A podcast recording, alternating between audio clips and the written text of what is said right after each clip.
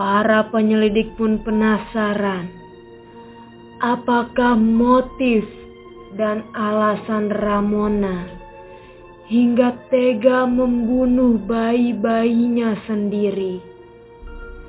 Setelah itu, pihak berwenang juga mengecek riwayat psikiatris dia. Namun hasilnya, Ramona tidak memiliki gangguan jiwa ataupun riwayat trauma semasa hidupnya. Dan yang lebih mengejutkan, pada saat sidang yang diadakan pada tanggal 19 Maret, Ramona sambil menangis terseduh-seduh mengaku bahwa ia adalah orang pertama yang mengutuk dan menyumpah serapahi tindakan kejinya. Tadinya, para penyelidik juga hampir menuduh Juan selaku suami dari Ramona telah berkomplot dengan istrinya untuk membunuh anak-anaknya. Dan juga apabila ia tidak mengetahui apa-apa, mengapa Juan tidak melaporkan kejahatan istrinya. Namun kemudian tuduhan itu tidak memiliki bukti sama sekali. Karena Juan membantah dan memiliki alibi sempurna bahwa ia memang tidak tahu sama sekali tentang kehamilan istrinya. Karena kondisi tubuh dari Ramona sendiri memang berisi.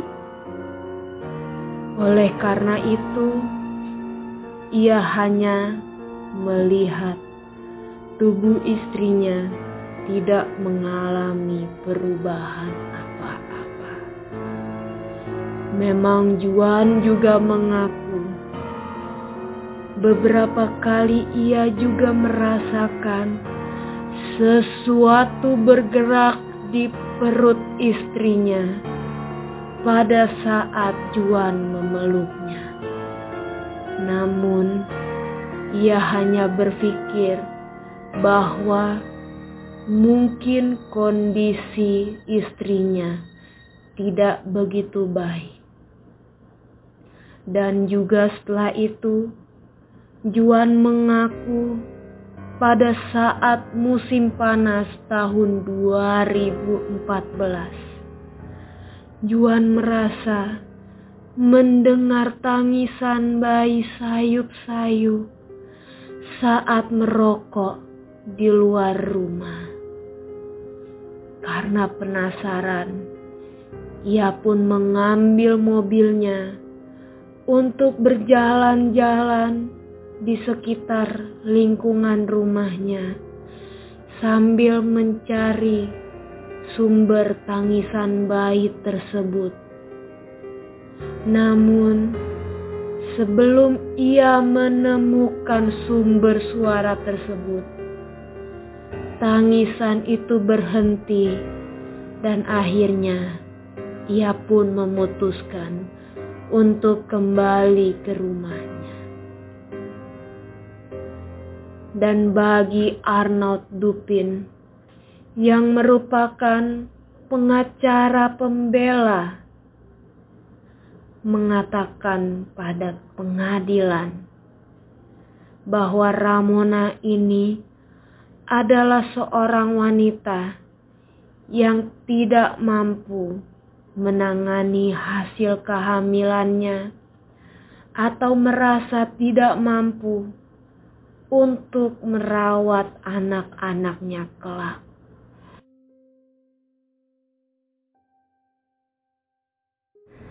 Sampai sini, bagaimana menurut Anda?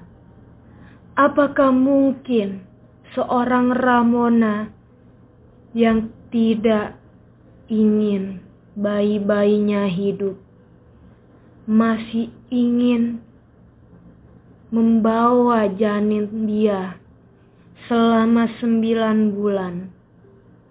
Bahkan hal itu terulang-ulang sampai lima kali.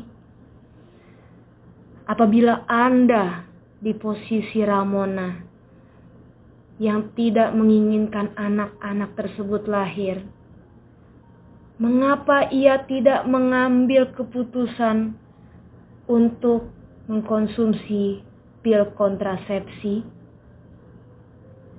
Dan kalau menurut saya sendiri, mungkin sebenarnya Ramona sayang kepada anak-anaknya. Apalagi ia mengatakan bahwa setelah ia membunuh bayi-bayinya, ia merasa sangat menyesal. Namun, Pastinya ada satu paksaan yang membuat Ramona memutuskan untuk membunuh bayi-bayinya. Dikarenakan alasan tersebut, saya pun mencari, menggali segala macam berita tentang Ramona.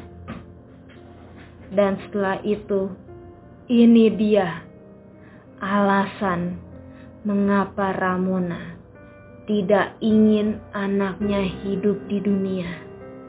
Namun sebelum itu, marilah kita membahas bagaimana Ramona dikenal oleh teman dan keluarganya di kehidupan sehari-harinya.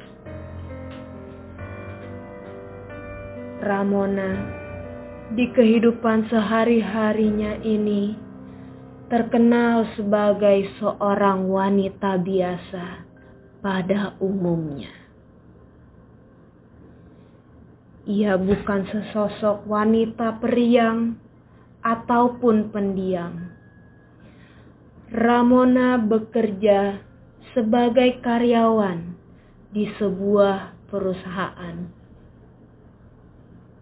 Sedangkan suaminya yaitu Juan adalah seorang petani di kota mereka dan rumah mereka bersatu dengan ladang atau sawah miliknya.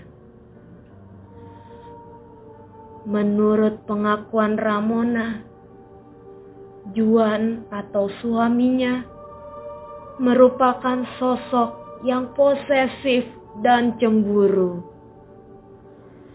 Sebenarnya Ramona merasa terjebak dalam pernikahan di mana ia dianggap menjadi objek wajib untuk menanggapi hasrat seksual seorang pria.